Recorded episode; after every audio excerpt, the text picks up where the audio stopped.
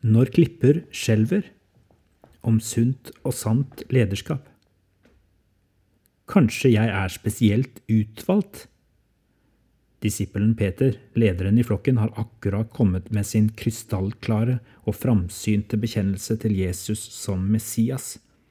Du er Messias, den levende Guds sønn. Og Jesus har svart, Du er Peter, og på denne klippen vil jeg bygge min kirke, og dødsrikets porter skal ikke få makt over den.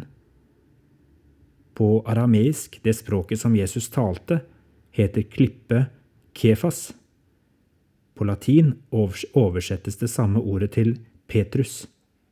Derfor kjenner vi ham i dag som Peter og ikke Simon. Vi kan ikke vite hva som foregikk i hodet til Peter akkurat da. Det blir jo bare gjetting.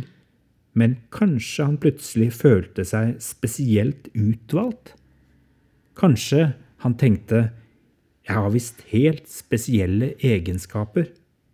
Ikke bare snakker Gud direkte til meg og gir meg åpenbaringer.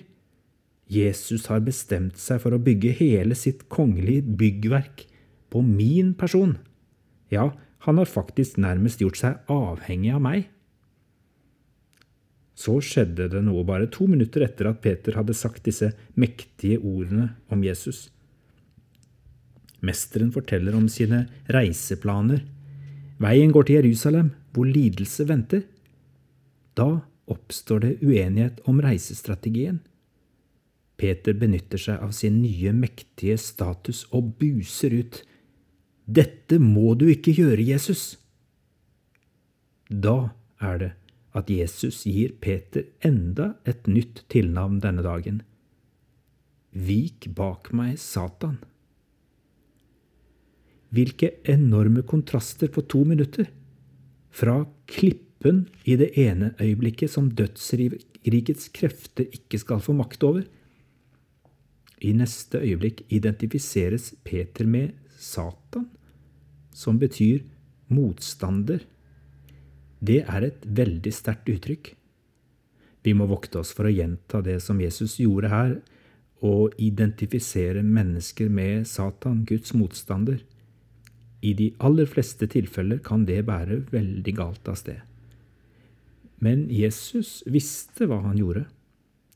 Slik ga han både Peter og oss alle en kraftig advarsel når vi misforstår vår rolle i Guds rike.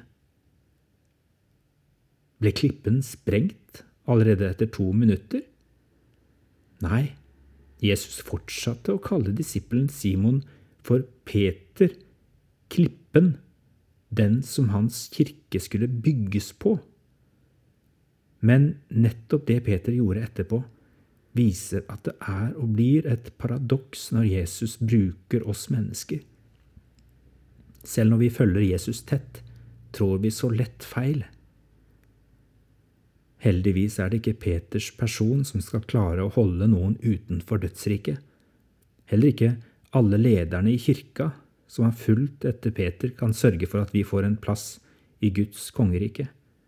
Vi som i det ene øyeblikket taler Guds ord sant og klart og får lov til å lede mennesker et stykke på trosveien, og som i neste øyeblikk ofte tråkker i salaten og sier og gjør ting som leder mennesker i en helt annen retning. Peter vil gjerne tro, men han vil samtidig også ha Jesus til å passe med sine egne forventninger. I vår kirkelige tradisjon er det slik vi har forstått det Klippen som Jesus ville bygge sin kirke på, er ikke personen Peter, men den bekjennelsen Peter ga om Jesus. Du er Messias, den levende Guds sønn. Dypest sett er det altså Jesus som er klippen.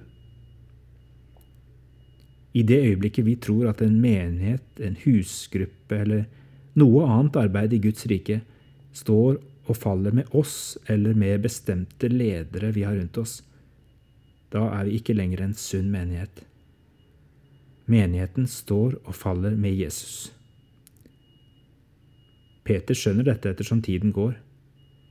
I Peters første brev, som han skriver mange år senere, og som vi har i Det nye testamentet, snakker han klok av skade og klok av erfaring.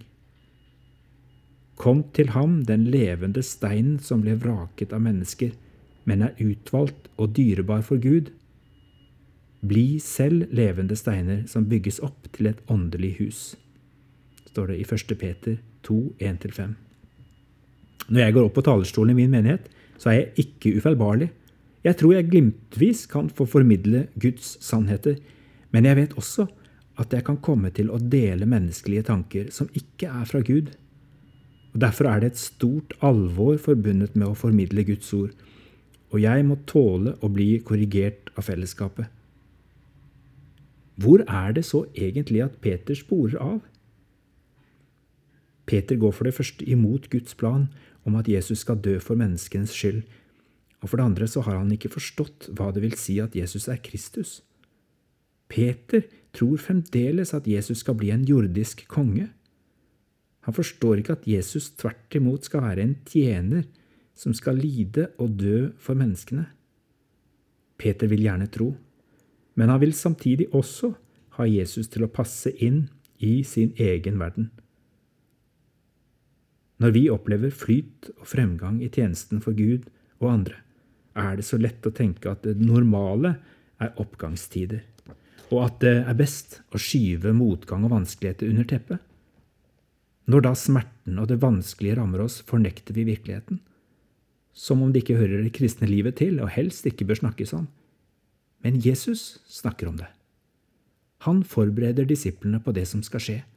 Han er ikke redd for å tale sant om at livet kommer til å bli tøft i Jesu følge fremover. Jesaja var heller ikke redd for det. Han profeterte faktisk at Jesus kunne oppleves som en skuffelse for mange. Han var foraktet, forlatt av mennesker, en mann av smerte, kjent med sykdom, en de skjuler ansiktet for. Han var foraktet, vi regnet ham ikke for noe, står det i Jesaja 53. Hva ser vi etter når vi søker Jesus og det han gjør iblant oss? Hvilken målestokk bruker vi for å si at nå er alt bra? Ut fra en menneskelig målestokk profeterer Jesaja at Jesus kommer til å være en skuffelse. Peter på sin side kan ikke tro at det vil komme noe godt ut av at Jesus skal oppsøke lidelse og fare i Jerusalem. Det må da finnes en enklere vei. Glem ikke at håpet er gjemt i den tøffe realismen. Den tredje dag skal Jesus gjenoppstå. Noen dager kan det virke så langt fram når vi ser mer av korset enn oppstandelsen i vårt liv. Men håpet lever. Det er i det tilsynelatende nederlaget at Gud viser sin herlighet og makt gjennom Jesus. I glimt bryter også oppstandelseskreftene gjennom. Vi tilbys en bærekraftig tro på Han som er klippen, Guds sønn han som også Peter måtte bygge sitt ustabile liv på. Den troen og bekjennelsen kan vi leve på, for den bygger ikke på oss selv. Den troen og bekjennelsen kan vi dø på, for dødsrikets porter skal ikke få makt over den som er i Jesus Kristus. Lavmælt samtale. Hvilke tanker får du om det å være en kristen leder etter det du her har hørt? Tenk på din egen troshistorie i lys av Peters troshistorie. Del dine tanker med Gud.